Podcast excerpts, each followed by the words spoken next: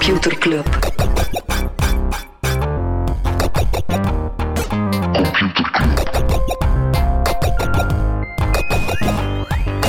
Computer Club. Hey Smolly, Hey Freddy, welkom. Welkom terug. welkom. Welkom bij Computer Club, een wekelijkse podcast over technologie. Iedere aflevering selecteren eh, Freddy en ik een interessant artikel en presenteren we een feitje. Ik had het gevoel dat mijn Smolly zo een beetje onzekerder was. Een beetje Oei. meer als een pubermeisje die zo voor het eerst dan de Smolly van Computerclub ontmoet. Oh god, Ja, ze voelen het voor mij elke week, Smolly. prachtig. Insgelijks. Freddy, waar Ja. gaan we het niet over hebben? Eh, eerst en vooral, Smolly, hij, had u weer mo- hij mocht u weer excuseren. Wat heb ik gedaan? Ja, waarover ging het vorige week in uw stuk? Over AI en voice technologie. En... Ja. En wat is er dan de dag erna uitgekomen? Een Geen idee. BBC-documentaire Ah, over een die chef-kok, kok. Anthony Bourdain. Pas op, ik kan nooit van die man is. Ja, wel, dus die man leest voor uit zijn eigen teksten, behalve het feit dat hij dood is, dus dat was via AI en er is heel wat commotie over. Zot. Dus ja, voilà. Wat zeggen we dan? Sorry aan de hele wereld. Dat, Dat we weer een trend voorspeld hebben voordat het doorbrak, sorry. voilà. Maar dus heel wat commotie, omdat er, ja, die documentaire vermeldde niet dat dat de computer-generated voice was. oei. Freddy, Ja. ehm, nou, waar we ook niet over gaan hebben, al sinds is dat Jeff Bezos nog leeft. De man is naar de ruimte geknald en heeft dat overleefd. Ongeveer ja, een paar uur geleden is dat, is dat gebeurd. Ja, het is altijd eh, onzeker. Ja. We wisten niet van, gaan we de podcast nog volledig eh, moeten omwijden naar Jeff Bezos die tragisch aan zijn einde komt. Maar ja, Het was wel een saaie livestream. Het was zeer saai. Ik ben vooral fan van de berichtgeving van Vice, te- die zeer smalend zei van allee, de rijkste man ter wereld zegt dat hij super gelukkig is, terwijl dat de rest van ons op de wereld gewoon nog bezorgd was om de Delta-variant, de milieuproblematiek. Ja. Het was echt een heerlijk eh, shots fired artikel. Ai, ai. Ja. Mannen en een midlife crisis. Freddy, ik ga er even een jingle erbij halen. Ik hoop Ja. dat het juist is. Smalley and Freddy talk like money. Ja, Robin Hood die wil 2 miljard ophalen op de beurs. Het bedrijf zou dan 35 miljard waard zijn. Beetje gelijkaardig nieuws, eh, als het dan toch binnen de money-sferen houden. Zoom koopt 5.9 over voor 14,7 miljard dollar. 5.9, ik ken het zelf ook niet, dat is de software voor callcenters, vandaar dat ik het niet ken.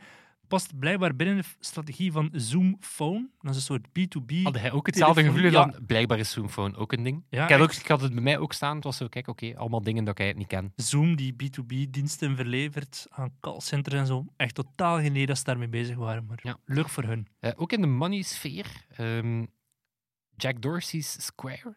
Dus het, eh, de, de, je zou kunnen zeggen het side project van Jack Dorsey eh, van Twitter. Maar Square is op, zich, op zichzelf ook al een heel groot bedrijf. Die komen met een developer-platform om DeFi-diensten te bouwen. En jij weet wat DeFi betekent, is Molly? Decentralized Finance. finance. Ja. ja. Dus die gaan een soort ja, volledig open source, volledig open ja, blokkendoos aanreiken, waarmee dat eh, bedrijven dan allerhande gedecentraliseerde financiële diensten kunnen uitbouwen. Alright. Wordt wel gezegd van, is dit dan het eh, grote moment voor, eh, ja, voor dat soort eh, technologie? Ja, wel, wel cool, wel cool. Mhm. Op zich, ja, Jack Dorsey is een man met enorm veel visie. eh, als hij gewoon even, Als hij nuchter is. als hij nuchter is en gewoon even zijn aandacht er kan bijhouden Ja. om ze dan effectief te executen. Eh, wacht eens, Molly. Mag ik een cyber jingle? Cybernews. Yes. eh, wel, de VS die eh, veroordelen na Rusland. eh, nu ook China voor ja, al, die, al die hackings. En ze doen dat niet alleen, samen met de EU, de UK, basically elke NATO-lidstaat. vallen, zeggen ze nu rechtstreeks aan China's Ministry of State Security. Ja, dat ze ermee moeten stoppen. Dus dat ze echt wel bewijzen hebben dat het de Chinese overheid zelf is die allerhande hackers betaalt om ja, ransomware, eh, cryptojacking, eh, extortion, van alles. Ook de Microsoft Exchange hack, eh, dat ze zeggen van dat was China en niet, niet zomaar hackers uit China, maar Overheid. China zelf. Ja. Dus het zit natuurlijk ook in, de, in, het mooie geo- geopolitieke conflict. Maar het is wel een duidelijk eh, statement dat de VS samen met eh, de andere NATO-landen eh, maakt. Ja. Alright, ik heb er even wat corona geknald. Ehm, Freddy, nog iets er opnieuw voor gaan hebben. Apple-medewerkers die mogen ten vroegste in oktober terugkeren naar kantoor. Als ze toch over corona bezig zijn. Dat, is weer, dat blijft maar opschuiven. Ze zijn al bijna twee jaar lang gaan die niet naar kantoor zijn mogen gaan. Ja, er is zo iets meer commotie, omdat je, je zou denken van Apple, ja, die hebben een super nice campus. Allee, die, Mhm. de, de spaceship, is een fantastisch gebouw. En ja, Apple is dan zo het bedrijf dat je denkt, ja, die innovatieve cultuur. Maar eh, mensen zitten inderdaad niet te wachten om, eh, om terug te keren. Ik las ook dat ze ergens aan het eh, bekijken zijn of dat ze niet eh, veel meer campussen op andere plekken kunnen Mhm. hebben. Wat ooit vloeken in de kerk was in Apple, maar nu meer en meer ja, dat je naar Texas gaat, dat je Ja. naar al die, eh, eh, al die andere ja, clusters gaat kijken. Ja. Boeiend. Alright. Freddy, heb jij nog een ding waar we het niet over gaan hebben? Ja, ik heb, eh, wacht, hè, goed nieuws voor mensen die WhatsApp op de computer gebruiken. Wat ik persoonlijk zeer handig vind, want Ook. dan kun je gewoon heel vlot even tussen de soep en de patatten wat, de, wat doorchatten. Eh, maar de web- en desktop-versie, ja, je moet er nu je telefoon aan linken met alle onhandigheid van dien. En nu komen ze met een beta die eh, gaat zorgen dat dat niet via je telefoon moet, maar zoals onder andere Signal dat doet, Ja. gewoon, eh, gewoon zonder die connectie kan. Wat goed is, want die connectie is niet echt eh, betrouwbaar. Dat is inderdaad vaak brak. En dan nog eentje, of een, eh, een cluster aan nieuws. Eh, ja, de strijd om gaming. En voor mensen die het nog niet weten, gaming, zeer grote industrie. Om er daar een, iets heel banaals over te zeggen, of heel een binnentikker. Maar ooit Netflix, die, eh, ja, die gaan ook, eh, je hebt het zelf al eerder gemeld, die gaan ook meer en meer into gaming. Wellicht iets meer into casual eh, mobile spin-offs van Mhm. hun series en zo. Maar die hebben nu ja, echt een, een, een, een veteran gehired. En dat was het hoofd van Oculus Gaming. Hoofd van een persoon die voor Facebook binnen Oculus verantwoordelijk Ah, was voor een gaming. Dat zou eh, wel zeer aanbod. snel gaan, want ik weet nog, ik denk dat het een week of vier, vijf geleden is geweest dat ik zei dat die vacature open stond. Voilà, die mens heeft dat ook gehoord, heeft erop Ja. gesolliciteerd. Dus eh, ja, be- bedankt Smolly later. Eh, Valve, dat is ook in het clubhuis gemeld, die komen wel met Steam Deck. Heel interessant. Een soort eh, Switch Pro, maar dan Switch lelijker. Pro voor PC gaming. Eh, iets lelijker, maar wel ook scherp geprijsd. 400 dollar. Zou er rond kerst aankomen. Ik ben wel benieuwd of dat die markt überhaupt bestaat. Want het succes van Switch is net dat dat casual iets gamers casual zijn. gamers Mhm. zijn. PC-gamers bestaan, maar die hebben een solide PC-gaming. Dus ofwel het beste idee ever, of niet. Ik vind het vooral ergonomisch zeer raar. De knoppen om te bedienen met je rechterhand zitten zo helemaal van boven in de rechterbovenhoek van dat ding. Ik probeer hier een super slimme business vraag te stellen.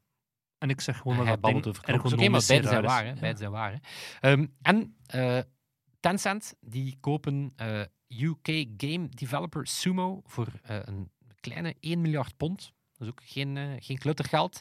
Die hebben in het verleden nog Sonic Games gemaakt, Forza Games, Hitman Games. Oké. Eh, en is vooral bekend van hun eigen Little Big Planet Ja. franchise. Ah, dus op van het gebrei en poppetje. maar dat is ook opnieuw weer een voorbeeld van ja, hoe dat die grote ja, techbedrijven ook meer en meer ja, game studios kopen en zo. Van welke Netflix-reeks zou jij het spel willen spelen? The Witcher, daar moet er dringend een spel van komen. Super Shit. Ehm, nee, ik weet niet, ik, ik kijk zeer weinig Netflix. Ik, moet daar eerlijk Ik zou? Bojack Horseman wel... eh lijkt me wel lachen. Ja, maar dan moet dat toch een soort existentiële slow game zijn of ja, zo. ja. Dan moest het een game Een zijn waarvan dat je gewoon heel de dag zit te daydrinken en u Mhm. afvraagt Wat doe wat ik uw hier? bestaansrecht is. Wat een goede game zou zijn, denk ik. eh. Alright, zeg Molly. Ja. Wat is jouw eh, artikel van deze week? Wel, ehm, Wat een schattige, ja, zoals of dat je niet weet wat dat er ging komen. Zo. ik weet wat er gaat komen hoor, absoluut. De wereld die staat in brand. Allee, even een open deur intrappen. Eh, De klimaat, open deuren. eh. klimaatcrisis, de coronacrisis, er zijn een paar hongerstakers. Ehm, dus er gebeurt heel veel tegelijkertijd, waardoor we soms niet door hebben dat er nog iets gigantisch groot, dat eigenlijk normaal in andere tijden het nieuws dagenlang zou domineren, gaande is en dan nu zo een beetje onder de radar sluipt. Wat ik wil het hebben over een stukje spyware dat eh, een groot schandaal heeft veroorzaakt. Het heet, eh, het maakt misbruik, ja, spyware, dat maakt altijd misbruik van een paar gaten in je operating systeem, Android, iOS, om dingen te doen die eigenlijk niet mogen. Eh, en, vaak kunnen ze bijvoorbeeld versleutelde berichten meelezen. Mensen die spyware installeren op jouw telefoon kunnen dingen doen die normaal niet zouden mogen. Er is een stukje software genaamd Pegasus, ontwikkeld door het Israëlische bedrijf NSO Groep. En dat wordt normaal verkocht aan overheden die in het kader van de terreurbestrijding eh, dan, dan terreurverdachten kunnen eh, meevolgen. En vaak werkt dat ook. Ja. Bijvoorbeeld eh Ridwan Taghi, de man die verantwoordelijk is voor de moord op Peter R. de Vries in Nederland, die hebben ze kunnen vatten via zo van die versleutelde berichten. Heel coole podcast erover, even een zijsprongetje. Cocaïnekoorts van de NRC gaat over heel die Nederlandse mokromafia. Ehm, maar het is die versleutelde berichten en dan, dat wordt dan via spyware ehm, gevolgd. Kunnen, mensen, kunnen overheden dat dan volgen? En wat blijkt nu uit een heel groot journalistiek onderzoek, onder andere The Guardian, Washington Post, maar ook hier in België de KNAK, blijkt dat overheden die software, die dus bedoeld was voor terroristen, ehm, dat ze daarmee massaal burgers hebben bespioneerd. En dan hebben we het echt, ze hebben, ze hebben een telefoon, allee, ze hebben een lijst van 50.000 telefoonnummers kunnen verzamelen, die journalisten, en die kunnen linken één voor één, of toch aan reden qua, ze hebben duizend mensen echt kunnen linken van dat is telefoonnummer van die persoon, die telefoonnummer van die persoon. Totaal geen En terroristische wat voor verdachten. mensen zijn dat dan? Ehm, rechters, 85 activisten, 180 journalisten. Echt journalisten die zelf aan dat onderzoek meewerken, die plots hun eigen telefoonnummer daarin zien.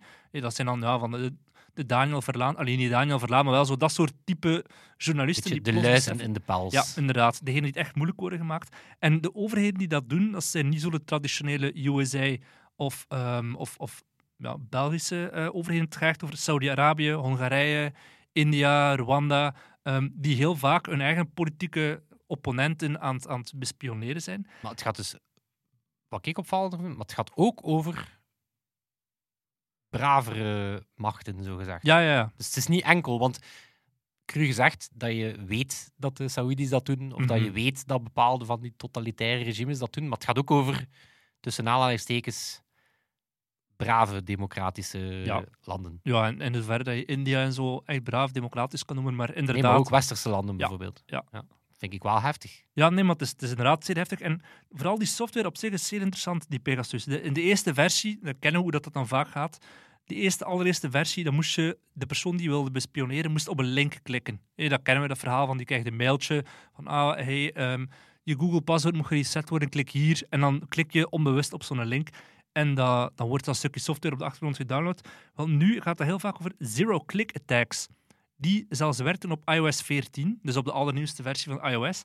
En een zero-click attack, ja, de naam zegt het eigenlijk zelf, je moet niet eens meer klikken om die software te laten installeren. Dus het, eh, het is niet 100% gekend hoe dat, dat dan werkt, maar er is voor uitgekomen dat als je een WhatsApp-call van iemand kreeg, en zelfs als je niet oppikte, je kreeg gewoon de melding, ah, iemand probeert je te bellen, dat die software op die manier al kon geïnstalleerd worden op jouw gsm, zonder dat je dat zelf door had. En het...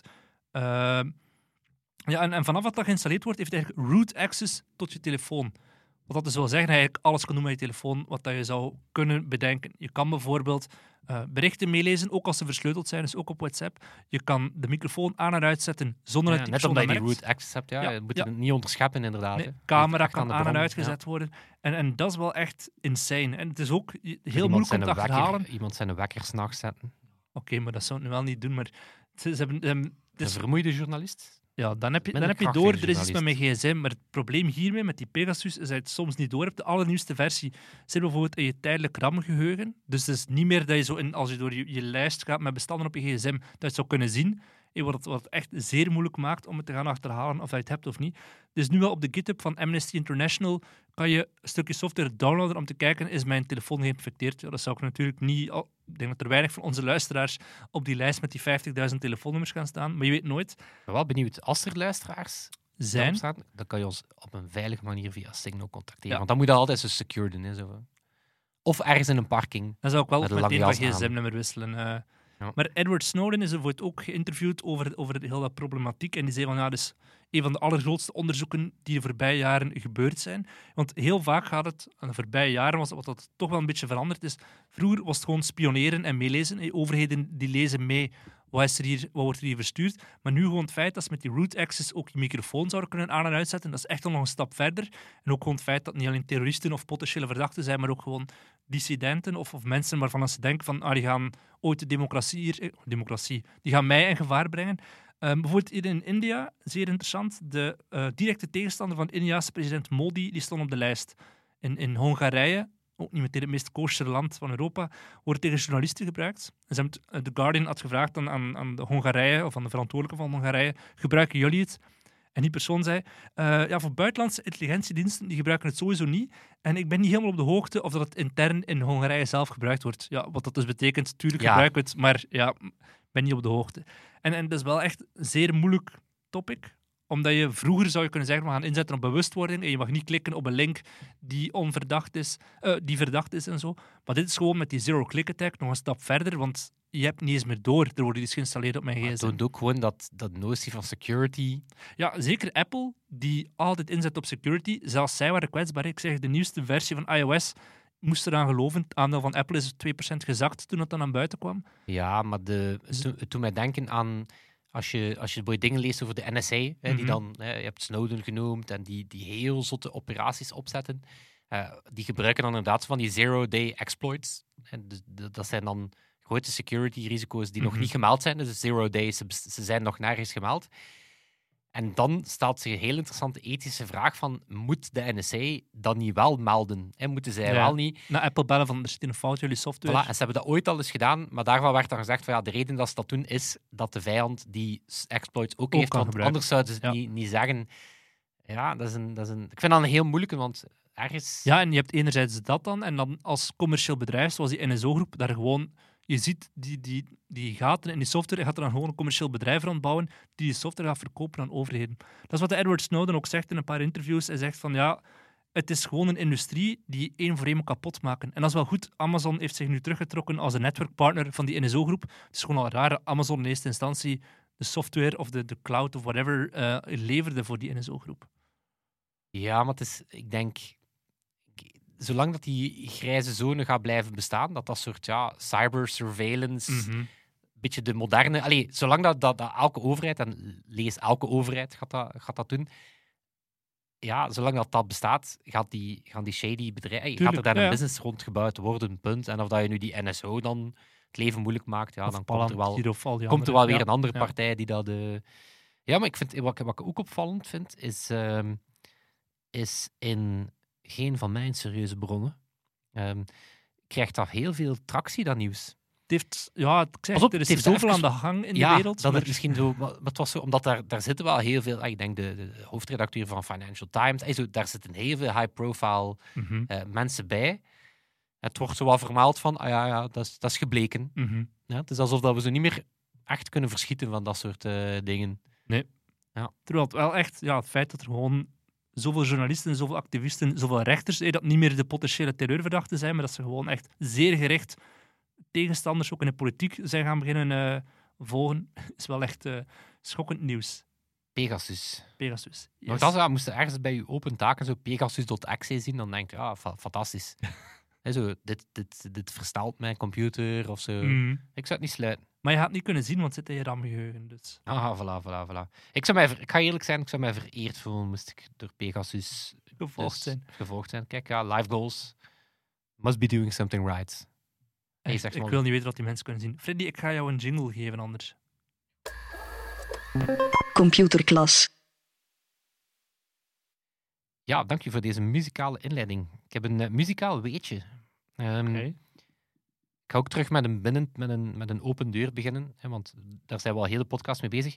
Technologie is altijd al heel belangrijk geweest voor muziek. dat is waar.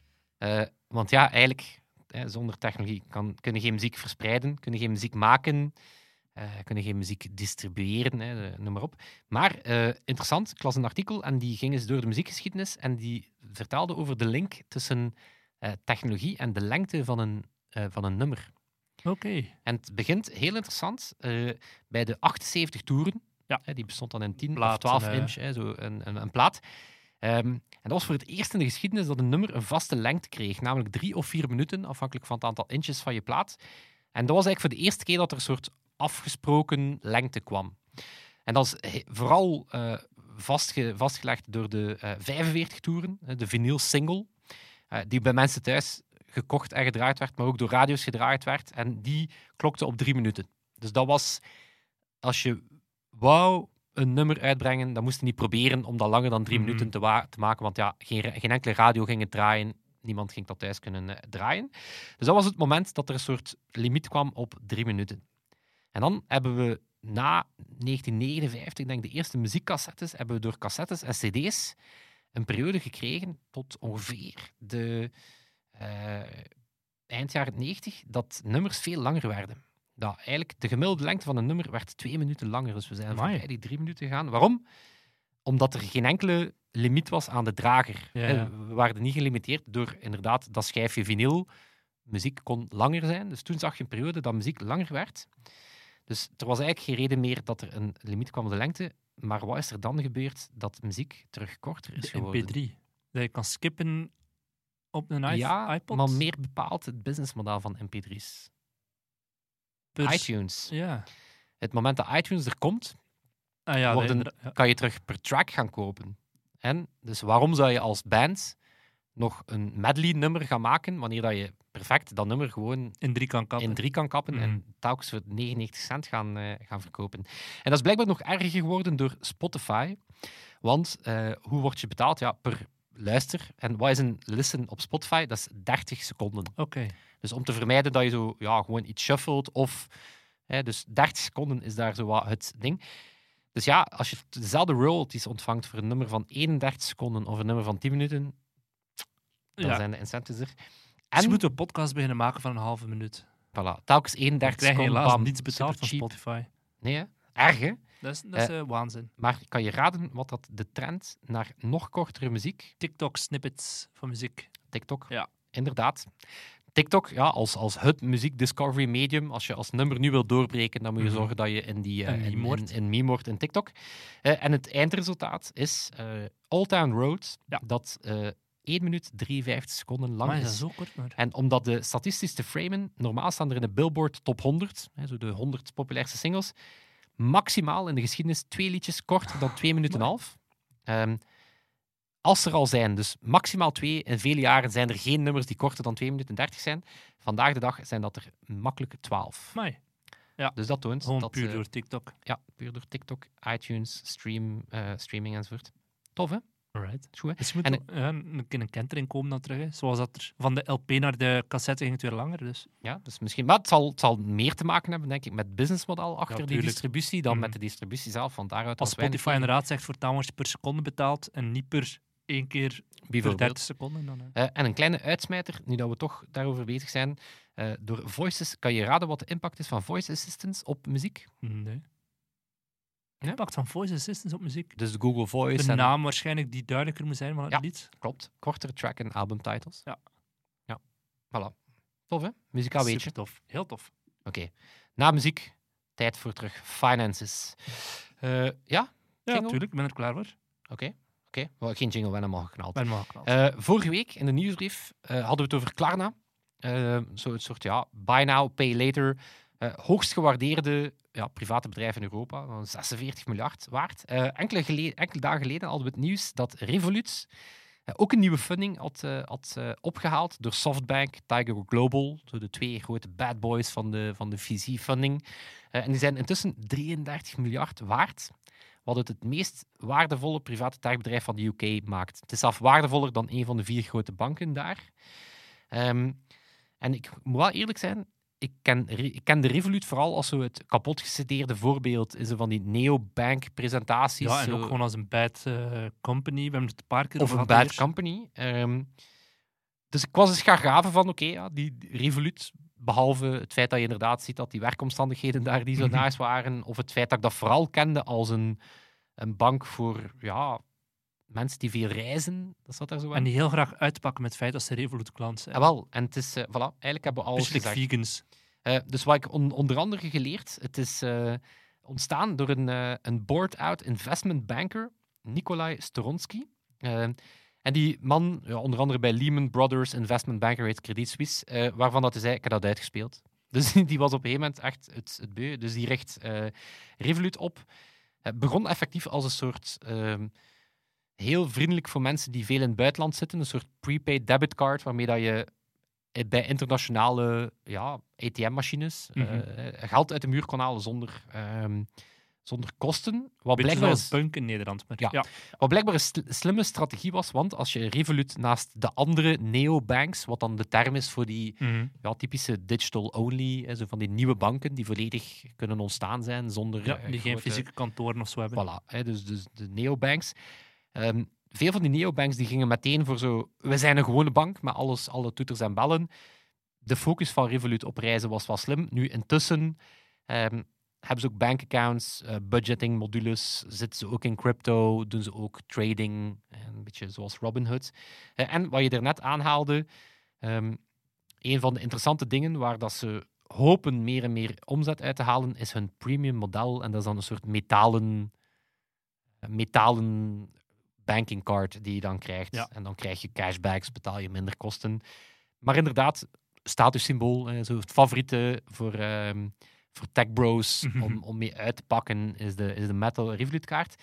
Wat wel super positief is aan Revolut, is ehm, behalve het feit dat ze het wel echt goed doen tegenover de andere neobanks, eh, zijn ze bijvoorbeeld dubbel zo groot als dichtste concurrent N26. Hè, dat die Mhm. zitten in Duitsland. Duits bedrijf. Ja. Ehm, maar is dat ze heel loyale fans hebben. Ze zijn, ze, ze worden heel, ze zijn heel groot geworden op, ehm, ja, op echt word, word of mouth. En dan mag je zelf eh, heel tacky zien als er bestaat zoiets als een ref rally. En dat is in steden wordt er dan een Revolut rally georganiseerd. En dat is een, een meet-up voor. eh, maar wel ik, denk- ik stel me dan zo voor als zo die Red Bull zeepkistenreis.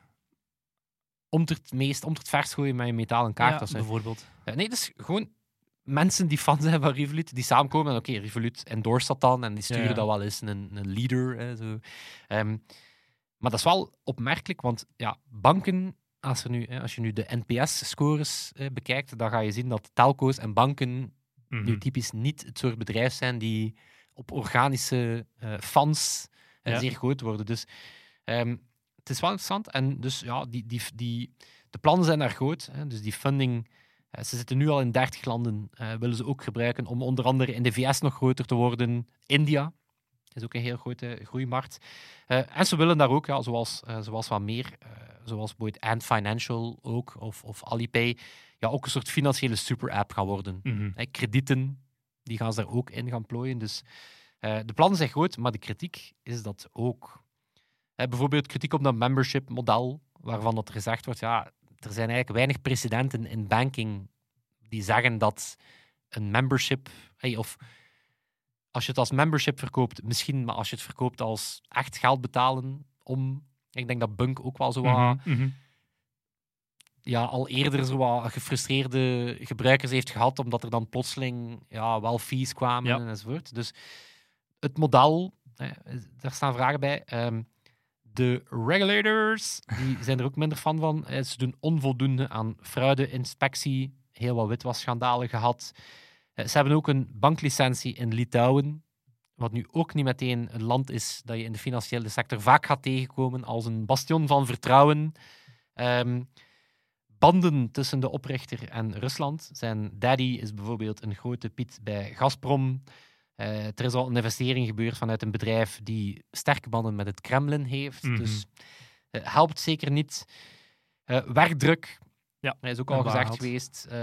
hoog verloop. ehm, gratis werk doen als deel van het recruteringsproces. Ehm, er wordt daar ook wel gezegd van ja, hard werken zit daar in de cultuur. En als je niet mee kan, dan bol je maar beter af.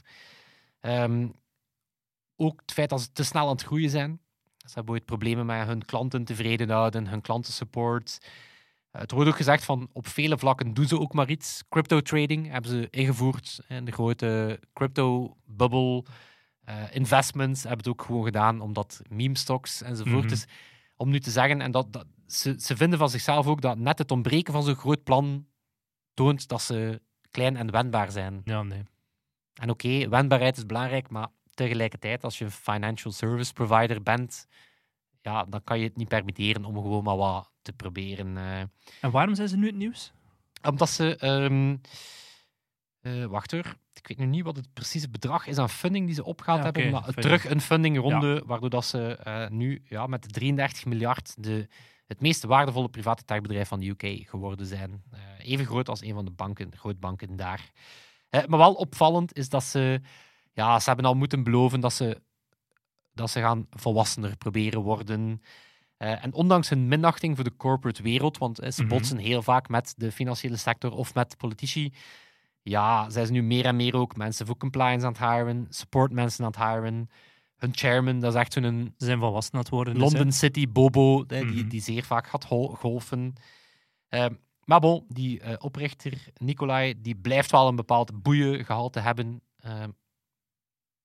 Eh, die blijft wel een bepaald boeiengehalte hebben, want ja, die man is intussen al 6 miljard dollar waard. Dus ik denk dat hij, ondanks de beloftes, ook wel nog altijd denkt: eh, fuck the shit.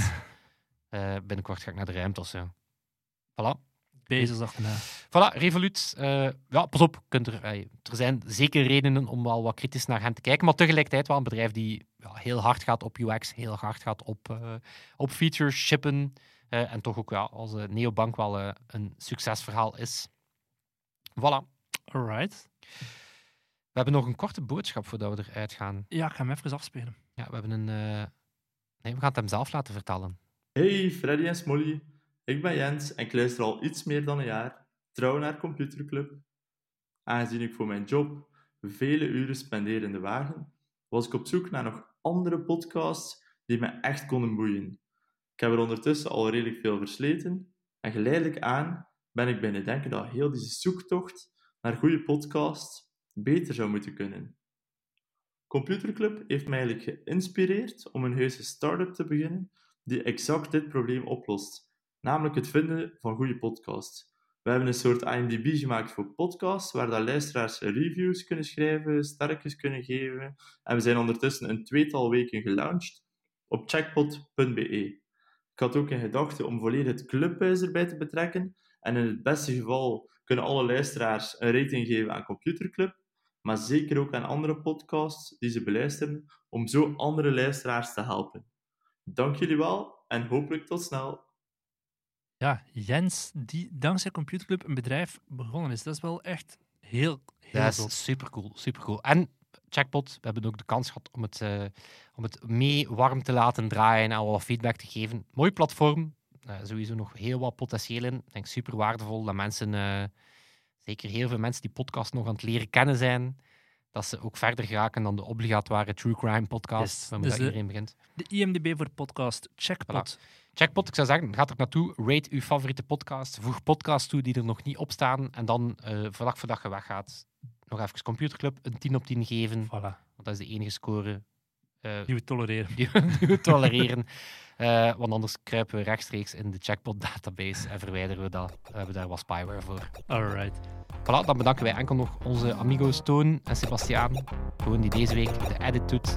Ook al onze vrienden van de show en natuurlijk eh, iedereen van Computerclub. En dat zal het zijn. Tot volgende week. Yo! Yo.